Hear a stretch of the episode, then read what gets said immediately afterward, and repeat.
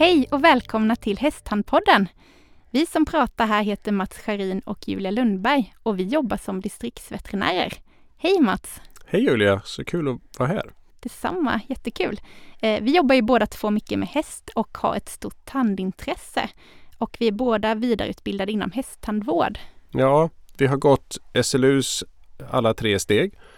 Och eh, utöver det så har jag också eh, examinerats som hästodontolog. Just det, det är ju spännande. Kan du inte berätta lite om det? Ja, det finns 25 stycken i Norden som har den examen. Och eh, lite kort kan man säga att det innebär att jag kan allt som man lär sig på de här tre kurserna och sen så kan jag lite till. Så att jag är lite specialist. I dagens avsnitt så ska vi prata om den vuxna ridhästen. Om vi börjar helt från början Mats. Eh, förr så var ju våra ridhästar inte ridhästar utan de var vilda och gick ute på savannen. Vad skiljer sig från dagens hästar och de hästar som fanns förr när de var vilda och ingen höll på att rida och greja? Ja, de hästarna är ju uppfödda och ska äta nästan dygnet runt. De äter mellan 14 och 18 timmar per dygn. Och eh, det kan man ju konstatera att det är svårt för våra hästar som är uppstallade att ha så långa ättider. Verkligen. Och det är ju också olika där om man har möjlighet att ha dem på fri tillgång till exempel eller om man kanske utfodrar dem bara två, tre gånger om dagen. Ja visst, det påverkar deras ättid.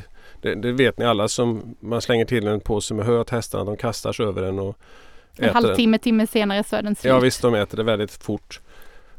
Och, eh, ja, men om hästen själv får välja så är det de här 14-18 timmarna som den faktiskt betar ute i, i det vilda. Ja, sen är det ju så att, att vi, vi vill gärna efterlikna det vilda tillståndet.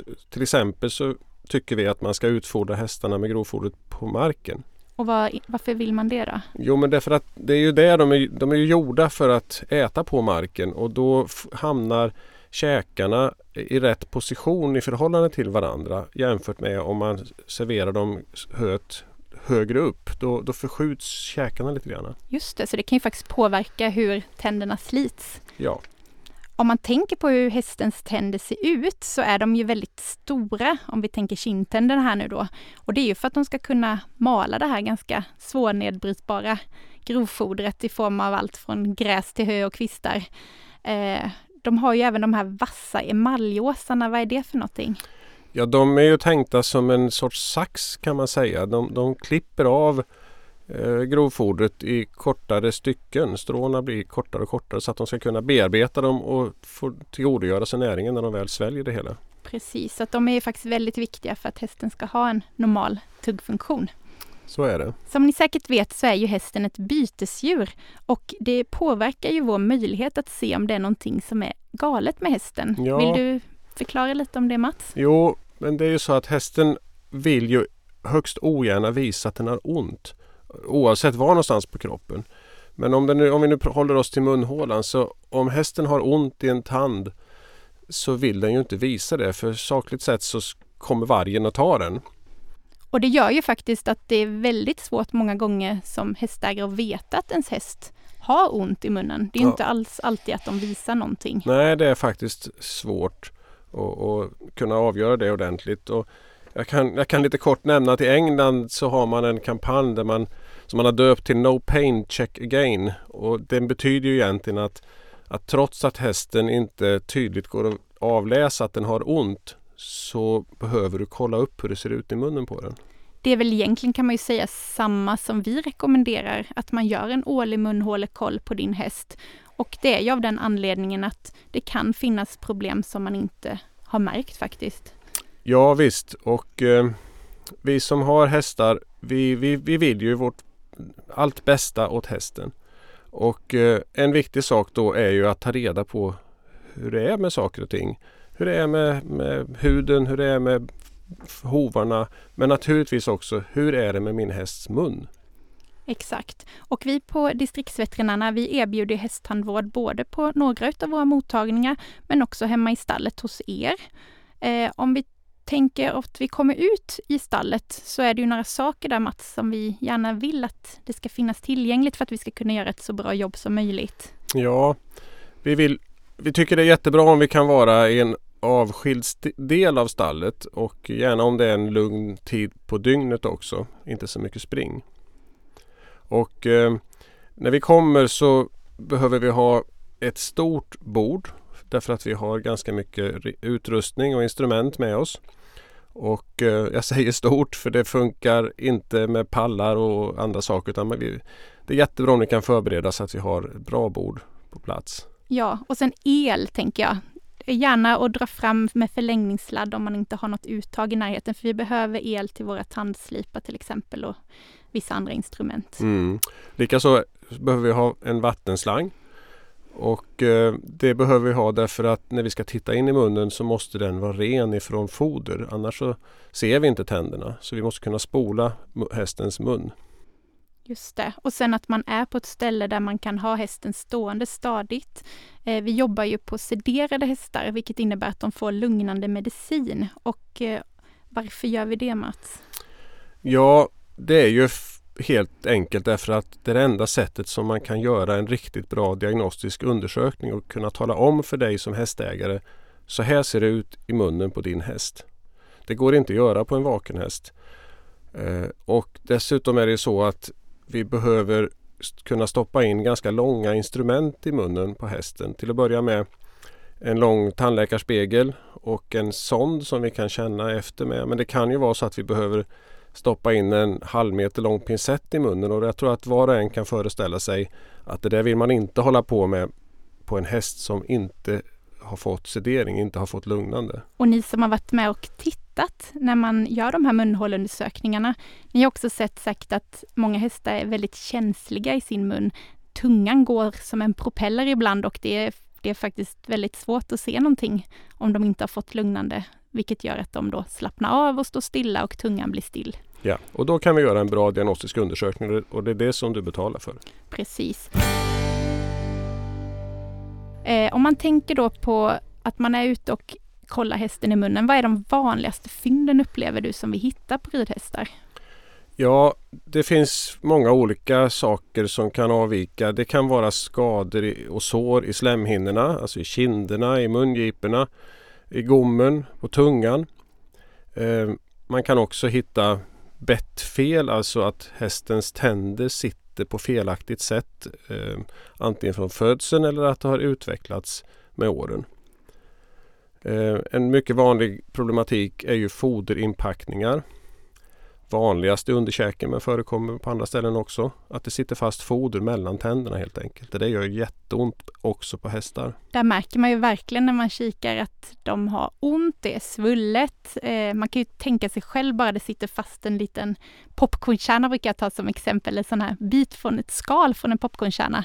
Det spänner ju något vansinnigt och en del hästar har ju stora mängder gräs och hö som har kilat sig fast och in emellan tänderna. Ja, jag som är gammal eh, vet ju att jag går ingenstans utan att ha såna här mellanrumsborstar med sig för det kan förstöra den bästa festkväll. Så det här gör jätteont på hästar också. Och det är ju något man inte ser då om man inte kikar ordentligt efter dem, för de kan sitta långt bak Mm. i, i mellan kindtänderna och vara väldigt luriga att hitta ibland. Sen finns det några andra saker man kan hitta också och det är ju att eh, tänderna kan ha frakturerats, alltså det kan ha gått loss saker och ting ifrån tanden. Det kan finnas sprickbildningar i tänderna. Just det, och de är också svåra att se tycker jag. Alltså de här små, små sprickorna som ibland oturligt nog då går precis över en pulpa som är den här nerven i tilltanden. Och där kan det ju också uppstå infektioner och smärta, ilningar i tänderna och så vidare. Ja. Ehm, man kan på överkäkens tänder också påträffa karies faktiskt. Hästar har karies också även om den inte riktigt beter sig på samma sätt som den gör på oss människor. Nej, men det är ändå något som vi kikar efter när vi gör de här kontrollerna. Ja. Om vi går över lite till träns och bett här på ridhästen. Precis som vi tidigare nämnt eh, finns det ju en uppsjö av olika varianter att välja mellan. Eh, skulle vi kunna korta ner det och ge några tips till vad man ska tänka på? ja, det tycker jag att man kan ge ganska generella tips om man ser det ur det perspektivet som vi jobbar. Att vi vill, vi vill att betslingen ska ge, eh, ha så låg risk som möjligt för att ge skador i hästens mun. Och då är det några saker som man ska tänka på. När det gäller bettet så vill vi att det ska vara rätt längd på det. Um, att det ska vara gracilt, alltså så tunt som möjligt. Och um, vi vill också variera betslingen så att det här bettet som sitter i munnen inte trycker på precis samma punkt hela tiden. För då ök, om det är så då får man högre risk för tryckskador. Genom att variera då minskar man den risken. Precis, och där kan det ju vara vettigt tänker jag att man har kanske ett bettlöst alternativ och sen att man har två olika typer av bett och den, de kan ju variera beroende på hästens och ryttarens preferenser naturligtvis och också vad man använder hästen till. Men generellt kanske att man väljer ett oledat rakt bett och ett ledat bett för att på så vis fördela tryckpunkterna och minska risken för kläm och tryckskador. Precis. Och eh, när det gäller storleken på bettet så vill vi att det inte ska gå att förflytta bettet i sidan, sidled speciellt mycket. Och enligt min erfarenhet, ni får ta det här med en nypa salt, men det är ändå så att, att jag har testat på många hästar. Så en, en stor häst den ska ha ungefär 10,5 cm stora bett. En ponny brukar ofta ha 9,5.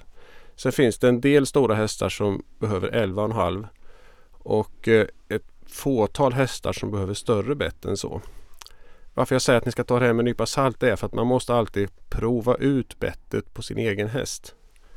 och det är ju något vi kan hjälpa till med vid en munhålundersökning.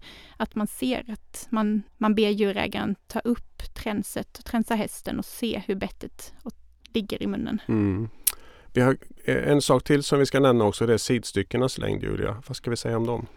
Det är viktigt att man inte hissar upp dem för högt, för gör man det så ökar risken för både klämskador i mungipor, men också att bettet kommer högt upp och trycker mot kindtänderna så att man kan få så kallade betselförslitningar. Mm. Vi ska inte ha några veck i mungiporna. Om vi går vidare till nosgrimmorna Mats, så hade du ju vi har ju sett att det har kommit en ganska ny studie, en dansk studie. Förra året tror jag den publicerades. Vill du säga några ord om den? Ja, det var en ganska omfattande studie på, på hästar under tävling där man hade undersökt eh, relationen mellan vad de hade för typ av betsling och skador i munnen som man kunde påträffa. Eh, och de skadorna var ju då inte inne i munnen för man kunde inte öppna munnen på de här hästarna. Men när det gällde nosgrimman så var det en del intressanta slutsatser man kunde dra. Eh, och man konstaterar att om det var två centimeter mellan nosgrimman och nosryggen på hästen då hade man lägst frekvens av skador i munnen. Så att två centimeter mellan nosgrimman och nosryggen ska man ha. Det var väl det vi hade tänkt och prata om i dagens avsnitt. Om vi sammanfattar våra tips här nu Mats, vad skulle du vilja säga då? Regelbundna munhåleundersökningar vill vi att man ska göra på sina hästar en gång om år. Och sen ha anpassad utrustning så att den inte orsakar några skador. Eh, varierad utrustning. Och naturligtvis eftersom hästar gillar grovfoder, de ska äta ordentligt med grovfoder. Tack Mats! Och vi hoppas att ni lyssnar vidare på oss i våra två andra avsnitt där vi pratar vidare om unghästar och den äldre hästen. Tack för att ni lyssnade!